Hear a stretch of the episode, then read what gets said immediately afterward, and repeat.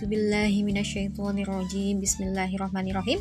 Assalamualaikum warahmatullahi wabarakatuh. Jumpa lagi di podcast saya Maya Umaska. Sahabat muslimah, apa kabar semuanya? Semoga senantiasa dalam lindungan Allah subhanahu wa ta'ala. Amin, amin, ya robbal alamin Sahabat, jika kita berbincang tentang permasalahan yang menimpa generasi, seakan-akan tidak pernah ada habisnya, termasuk apa yang terjadi beberapa waktu yang lalu di kota Salatiga. Jadi begini, pada Jumat dini hari tanggal 7 Juli tahun 2023, Polres Salatiga berhasil menangkap lima pelaku penganiayaan bersenjata tajam terhadap beberapa orang di JLS dan sekitarnya usut punya usut ternyata aksi ini dilakukan oleh uh, para pemuda yang dipicu oleh saling tantang dengan anggota geng lain di media sosial. Hmm, tentu saja aksi teror ini sangat meresahkan warga dan para pengguna jalan ya. Sahabat yang dirahmati oleh Allah, kekerasan jalanan yang dilakukan oleh pemuda bukanlah masalah yang berdiri sendiri, kita tentu ingat beberapa tahun silam marak di Yogyakarta terkait dengan fenomena klitih yang sepertinya belum sampai tuntas tertumpas hingga detik ini. Nah, itu juga dilakukan oleh generasi muda yang ya usianya juga relatif muda lah, seperti itu ya. Uh, lalu bagaimana wajah generasi ke depannya kalau seandainya ini dibiarkan terus terjadi? Nah, permasalahannya yaitu tadi bahwasannya kekerasan ini tidak berdiri sendiri. Namun imbas dari sistem sekuler liberal yang bercokol di negeri kita ini. Anak muda begitu bebas berkeliaran bahkan hingga dini hari melakukan apa pun yang mereka mau tanpa adanya pengawasan dan pembinaan. Sementara di sisi lain, pembinaan keislaman bagi pemuda, baik di sekolah, kampus, dan masyarakat, nama mentoring, rohis, um, remaja masjid, itu dihambat, diawasi, bahkan sering kali dicurigai sebagai bibit-bibit teroris dan radikalisme. Ironis bukan?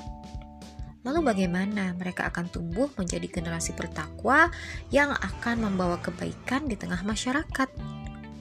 Sahabat monsterisasi atau kriminalisasi atau framing negatif terhadap syariat Islam dalam kehidupan nyatanya telah membentuk generasi yang bingung jati diri. Dan ini berujung pada nihilnya rasa takut pada Allah sang penguasa kehidupan. Akibatnya, mereka menjadikan hawa nafsu sebagai tolok ukur perbuatan Salah satunya dengan mewujudkan naluri ingin berkuasanya melalui kekerasan, termasuk kekerasan di jalanan. Hmm, lalu bagaimana ya yang harus kita lakukan? Ah, lagi-lagi uh, nih sahabat ya, gak ada satupun sistem aturan yang punya solusi komprehensif terhadap permasalahan-permasalahan manusia selain Islam. Jadi Islam pun punya solusi komprehensif di dalam mengatasi dan mengeliminasi aksi kekerasan termasuk yang dilakukan oleh pemuda. Yang pertama, kita yakin bahwa Islam bersumber dari Allah Sang Maha Pencipta dan Pengatur, Al-Khaliq wal Mudabbir. Maka Islam adalah sistem kehidupan yang sempurna, syamilan dan menyeluruh memahami seluk-beluk manusia dengan segenap nalurinya, dan memiliki aturan bagaimana pemenuhan naluri-naluri yang dimiliki oleh manusia itu. Kemudian, yang kedua, Islam memiliki seperangkat sistem pendidikan dan interaksi sosial yang mampu membentuk generasi bertakwa yang paham hakikat hidup, bertanggung jawab, dan mampu membawa kebaikan bagi dunia. Kemudian yang ketiga, Islam memiliki sanksi hukum yang tegas, adil, serta memberikan efek jerah bagi pelaku dan juga efek pencegahan bagi masyarakat.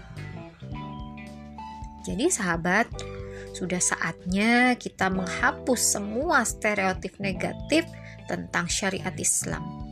Sudah saatnya kita mengarahkan hati kita untuk lebih memahaminya, untuk kembali kepada aturan-aturan Allah, dan kita mengembalikan pembinaan generasi muda Muslim pada pembinaan Islam yang kafah. Wallahu a'lam bisawab. Assalamualaikum warahmatullahi wabarakatuh.